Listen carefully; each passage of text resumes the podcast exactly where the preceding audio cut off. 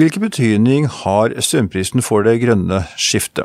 Velkommen til Advokatene forklarer. Jeg er Inge Bartnes, partner i, i Wiersholm. I forbindelse med Grønn uke her i Wiersholm tar vi denne uken opp aktuelle temaer om klima og miljø i podkasten vår. Og Dagens episode handler om hvilken betydning strømprisene har for overgangen til det grønne skiftet. Med meg i studio har jeg i dag Åsmund Kjos Kjås Fjell, advokat i Wiersholm, og Berit Tenbakk, samfunnsøkonom og partner i Tema Consulting.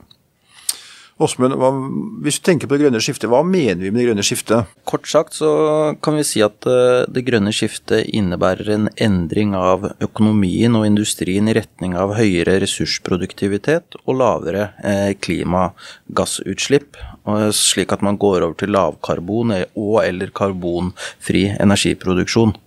På folkemunnen er det gjerne brukt som betegnelse for enhver forandring av noe i mer miljøvennlig retning. Overordnet eh, så er jo klimamålet for Norge og EU å sikre at utslippene av klimagasser reduseres med 55% telt fra 1990 til 2030. Og dette er jo også belyst i EU-pakken Fit for 55. Om vi skal nå klimamålene, så fordrer det store omveltninger i samfunnet, og bruk av elektrisk energi er en av flere viktige innsatsfaktorer. Det grønne skiftet har jo blitt den store syndebukken for konsekvensene av de høye strømprisene som vi nå opplever. På noen få måneder har det grønne skiftet gått fra å bli møtt med en skuldertrekning blant folk flest, til å bli den store, stygge ulven som alle nå vil skyte. Men det kan ikke være tvil om at en omstilling til mindre avhengighet av fossil brensel og tilrettelegging av for ny industri og grønn industriutvikling i Norge er ansvarlig politikk. Jeg har ingen tvil om at nivået på strømpriser i denne sammenhengen her har en viktig rolle. Hva er riktig og galt i denne forbindelse? Vi vil i denne podkasten diskutere oss litt nærmere på disse temaene. Åsmund, så hvordan fastsettes eh, strømprisen? Ja, og jeg tenker jo hvordan den fastsettes er jo eh, viktig i kontekst av det grønne skiftet. Eh, så siden vi har en eh, ekspert her i studio, så tenker jeg kanskje Berit kan eh, gå litt eh, inn på det. Ja, når vi snakker om strømprisen, så snakker vi jo som regel om spotprisen per kilowattime som fastsettes på Nordpol. Og Nordpol det er jo en markedsplass der produsentene eller tilbyderne av kraft, og de som bruker kraft, enten representert ved leveringsselskap eller direkte, møtes og handler med kilowattimer, da. Og der fastsettes det en pris time for time. Og det kommer av at forbruket varierer så mye fra time til time at kostnaden også ved å dekke forbruket varierer fra time til time. I tillegg så avtales det priser for ulike prisområder, og det er for å reflektere at det er overføringsbegrensninger, sånn at man får en lavere pris i overskuddsområder enn i underskuddsområder. Men de som betal, alle betaler den prisen, eller får betalt den prisen man får i det området der man produserer eller forbruker. I tillegg så kan man også ha bilaterale avtaler, og man kan sikre seg sånn at man ikke til enhver tid er på en måte eksponert for den timevariasjonen i prisen, da. Sluttbrukerne, eh, de betaler også eh, i forhold til den spotprisen, men i tillegg til spotprisen som avregnes for timevis forbruk, så betaler man nettleia, og så betaler man en avgift, eller forskjellige avgifter faktisk, til staten. Hvis man skal se litt på hvilke elementer er det som har betydning for strømprisen, Åsmund, hva vil du trekke frem som de tre-fire viktigste punktene da? Jo, nå må dere gjerne supplere, men eh, jeg tenker at uh, først og fremst så er jo elektrisitet en vare som produseres, og som forbrukes samtidig som den produseres. Så prisen i Nordpol vil jo være avhengig av tilbud og etterspørsel. Og ser man på Norge, så har jo vi siden 1990 hatt en av verdens mest liberale markeder for kraft. Så man har kunnet velge den leverandøren man ønsker, eh, og kundens eh, muligheter, altså det frie valget, er et viktig element i prisdannelsen. Eh, ser man på forbrukssiden, så har jo eller blir jo elektrisiteten i Norge brukt ca. 70% av husholdningene til oppvarming, og i kaldt og klart vær øker behovet for strøm til oppvarming. Og I slike perioder er ofte tilsiget i vannmagasinene på et minimum, samtidig som ja, da kanskje vindkraften produserer lite. og Da får man eh, en påvirkning på balansen mellom tilbud og etterspørsel i kraftmarkedene, og, og kraftprisene stiger. Og når man da i tillegg får ekstraordinære hendelser, slik som krigen i Ukraina og Russlands påfølgende kutt i gassleveransene, har det vært rekordhøye energipriser den siste tiden. Prisen på gass eh, har jo da stor betydning for eh, prisdannelsen. Og eh, jeg tenker eh, også, kan man også legge til dette med kjernekraft, kull, eh, gass og CO2-kvoter i regnestykket, så får man et enda mer eh, komplekst bilde. Så vi har jo hatt rekordhøy pris den siste tiden. Og så har man også bildet med utenlandskablene, og de har jo også fått mye av skylden for de høye prisene.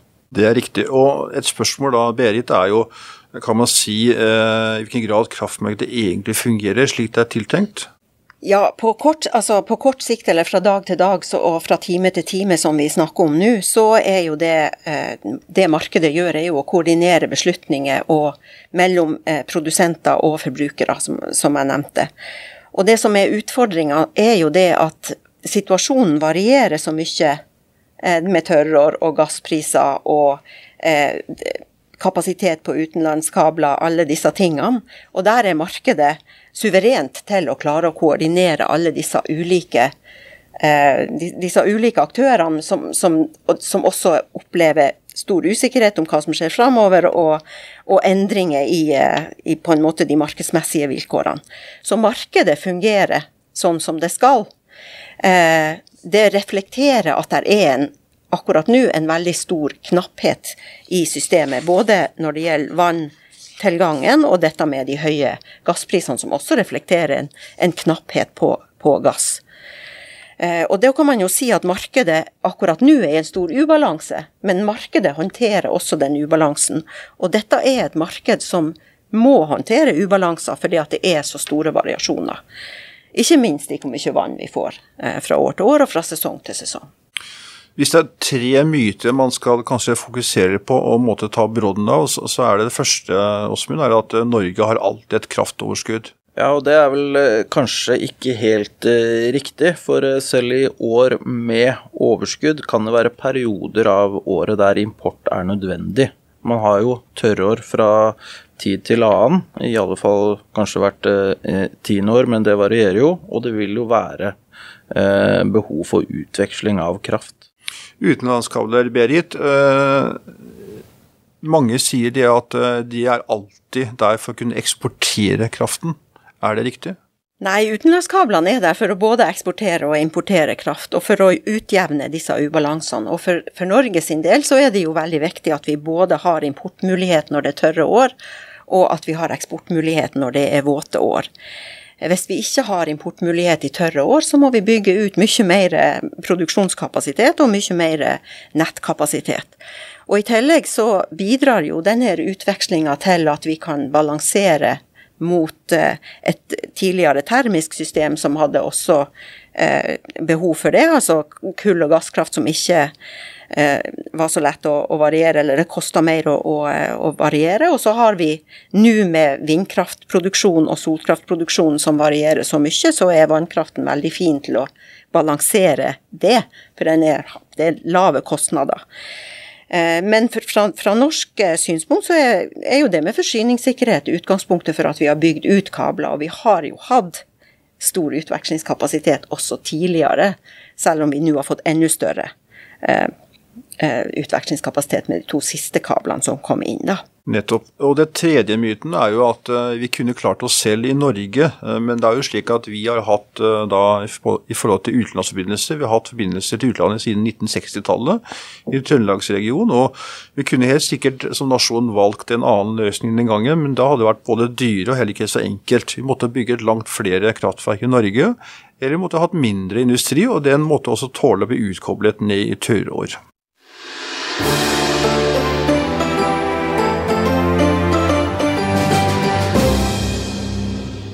Litt om nærmere til dagens eh, tema. Den elektrifiseringen av samfunnet vi eh, er vitne til gjennom overgangen fra diesel- og bensindrivende motorer, er da høyst nødvendig for å redusere klimagassutslippene. Det alene er selvfølgelig ikke nok, og vi er bl.a. avhengig av at vi øker strømproduksjon fra utslippsfrie energikilder. Vi trenger en bedre og økt nettkapasitet for å tilrettelegge for elektrifiseringen og ny industri. Og ikke minst trenger vi større fleksibilitet i forbruket, bl.a. ved hjelp av lagring av energi.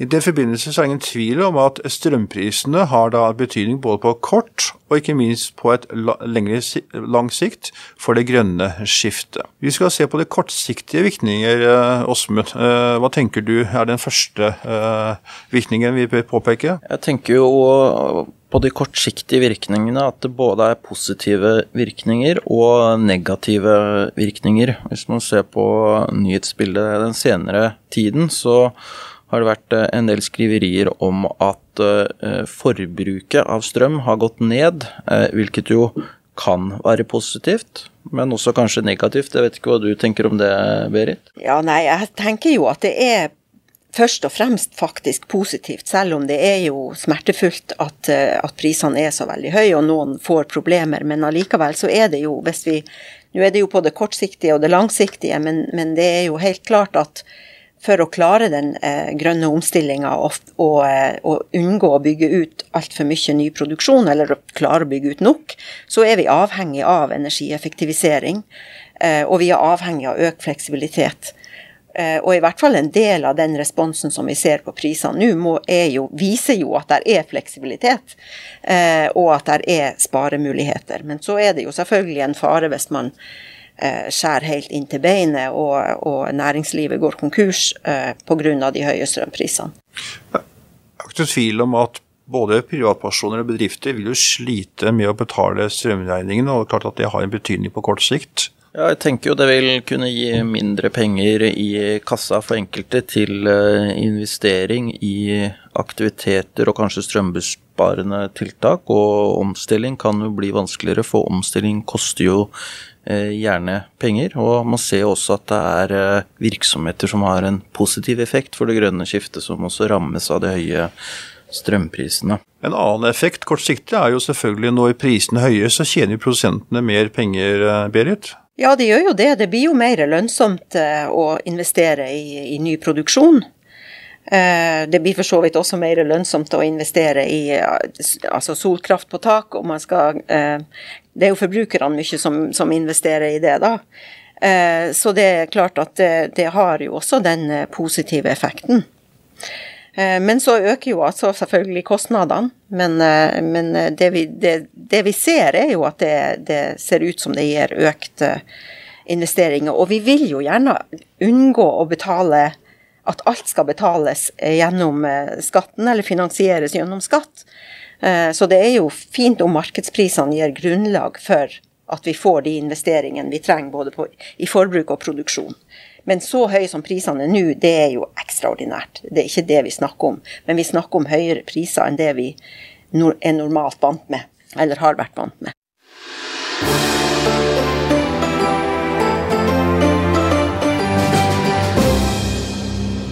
Hvis vi flytter fokus da over på de mer langsiktige virkningene, så, så, er det ikke noe tvil om at det sannsynligvis også vil kunne påvirke det grønne skiftet på flere områder. En første litt negativ konsekvens er selvfølgelig at man da får konkurs hos virksomheter. Og da er vi nå kanskje tilbake på det poenget vi var innom på de kortsiktige virkningene, at dette vil også gjelde virksomheter som er positive for det grønne skiftet. I tillegg så vil jo viktige industriprosjekter som er kraftkrevende eh, kunne bli forsinket eller stoppet dempet, f.eks. produksjon av batterier, hydrogen osv., eh, og som er nå er i pipeline, vil kunne bli, måtte bli forsinket. hvilket vil da selvfølgelig få eh, negativ innvirkning på det grønne skiftet. Merk at det kanskje ikke bare er strømprisen som er en utfordring, men også selvfølgelig kapasiteten i nettet, effekten i nettet. Eh, det er selvfølgelig da en begrensende faktor i enkelte steder i Norge. I tillegg så vil også strømprisene innebære en inflasjon, bidrar til inflasjon, og som da har en høyere, innebærer høyere priser på varer og tjenester. Åsmund. Ja, og selvfølgelig så kan man jo da trekke på at uh, om vi forbruker mindre pga. økte priser, så kanskje det kan få en positiv effekt. Ja. Men selve den grønne omstillingen er også selvfølgelig da energikrevende. Ja, og det handler jo da gjerne om å produsere mer lokalt, eller kanskje man skal gjøre frakt mer klimavennlig. Og uten en forutsigbarhet i strømprisene, så vil det kunne bli utfordrende å satse på det lokale og på elektrifiseringen eh, og nye industrier. Det er kanskje ikke så lett å oppsummere de langsiktige virkningene, Berit, men eh, vil du kanskje, kanskje forsøke å gi en oppsummering ut fra ditt ståsted? Ja, altså det er jo selvfølgelig veldig uheldig at vi har fått den situasjonen som vi har akkurat nå, som har kommet Ikke bare det at prisene er så høye, men at det har kommet så brått på. Eh, og som er forklart av som det som, som, som regel krise er, av at det skjer flere negative ting samtidig. Men samtidig så, så eh, på den positive sida, da, så ser vi jo at politikerne både i EU og i, eh, i, Norge tar grep for å samtidig både støtte eh, både husholdninger og, og, næringsliv, men også gi støtte til omstilling og til energieffektivisering, eh, til å frigjøre seg fra russisk gass. Så, så, i det kortsiktige så er det ikke tvil om at dette er utrolig krevende, og at det blir en tøff vinter. Men heldigvis så evner politikerne også å se eh, lenger fram. Så jeg er allikevel håpefull. Det store spørsmålet blir da, og da er vi snart eh, ved veis ende i vår podkast i dag, blir da spørsmålet hva er løsningen? Og Da snakker vi om løsninger både på norsk nivå og kanskje på europeisk nivå. Og Det er jo slik at det er kanskje ikke én løsning her, men at vi må tenke litt bredt. Og Det er allerede gjort en del tiltak her. Åsmund, vil du se på de tiltakene vi har gjort i Norge? Ja, altså Som vi så vidt var inne på, så er det jo eh, innført strømstøtte til eh, privatpersoner. Og det har jo gjeldt en stund. Enkelte har jo fått lavere strømregning nå enn kanskje tidligere. Eh, og nå nylig så har også regjeringen gått ut eh, med tiltak for eh, næringsdrivende. Men det her er vel kanskje først og fremst en løsning på kort sikt. Det er også da foreslått innføring av løsninger på EU-nivå også. Berit, vil du kort si litt om hva det innebærer? Ja, det kortsiktige grepet som EU har gjort. altså først, Det første de gjorde var jo å, å, lage mål om å redusere bruken av gass, for å redusere bruken av russisk gass, først og fremst. Eh, det var i gassmarkedet. Og så er de kommet med en krisepakke nå, nylig, som gjør litt av det samme, som også setter mål om å redusere forbruket.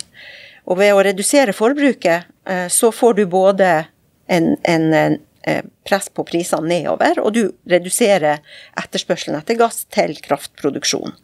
Så det er jo et grep, det første grepet de har gjort. Eh, og så har de gjort noen grep for å, å, trekke inn penger for å finansiere støtte både til eh, til fattige forbrukere og, og, og små, små, bedrifter, men også for å betale for energieffektivisering, altså ytterligere få ned forbruket. Og så legger de jo vekt på å øke produksjonen. Så de bruker, det de legger opp til, er å bruke markedet. Men dette er en kortsiktig pakke, og de har varsla at de skal komme med en mer langsiktige grep eh, senere i år, antagelig i desember. Så det blir jo spennende å se hva de følger opp med da. Hvis vi da skal slutt, til slutt eh, oppsummere hva vårt forslag hva er måte, vår tanke rundt de langsiktige løsningene, så hva tenker du da på Berit og så etterpå Åsmund? Ja, nei, Det er jo det som jeg sier, at vi må bruke energien mer effektivt. og det, der, der, trengs det et, eh, et krafttak, og også med å få økt fleksibilitet sånn at, eh, at, vi kan utnytte de fornybare energikildene, som vi også må bygge ut mer av på en, på en bedre måte. Ja, og kanskje fra et eh, juridisk eh, ståsted, og som Wiersholm har vært inne på en del før, når man ser hen til taksonomien, så vil jo det kunne være et interessant verktøy for å dra aktivitet i mer bærekraftig retning. Så hvis man får til det på en god og enkel måte, så vil jo det kunne være en farbar vei for nærings livet. Og man får kanskje da pengestrømmen til å renne i eh, retning av eh, disse tiltakene som vi har vært innom. Økt produksjon og bedre kapasitet i strømnettet og bedre lagringsmuligheter. Tusen takk. Med dette er vi ferdige for denne gangen, og vi takker for oss i Advokatene forklarer.